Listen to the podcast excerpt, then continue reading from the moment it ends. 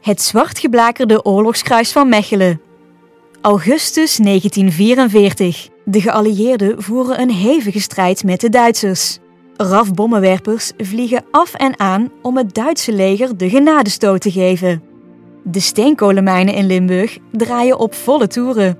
Mijnwerkers worden van heinde en verre opgehaald met bussen van de Limburgse trammaatschappij. Tij Hendricks is één van de buschauffeurs. Op 14 augustus 1944 meldt hij zich om 11 uur voor zijn dienst in het busstation van Gulpen. Hij rijdt de bus naar Mechelen om de eerste passagiers op te halen voor de middagdienst in de Hendrikmijn in Brunsum. Als Tij met zijn legergroene bus over de Partijerweg richting Mechelen rijdt, komt er een RAF-vliegtuig overgevlogen op weg naar Duitsland. De piloot denkt een Duitse legerwagen te zien en bombardeert de bus.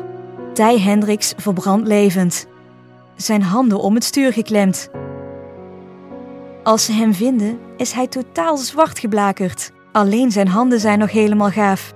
Inwoners van Mechelen plaatsen na de oorlog een zwart kruis als eerbetoon aan Tij. Het smeedijzeren kruis, gemaakt door de Mechelse smid Hubert Kikke, heeft aan weerszijden twee handen die boven de vlammen uitreiken. Tij liet een vrouw en drie jonge kinderen na.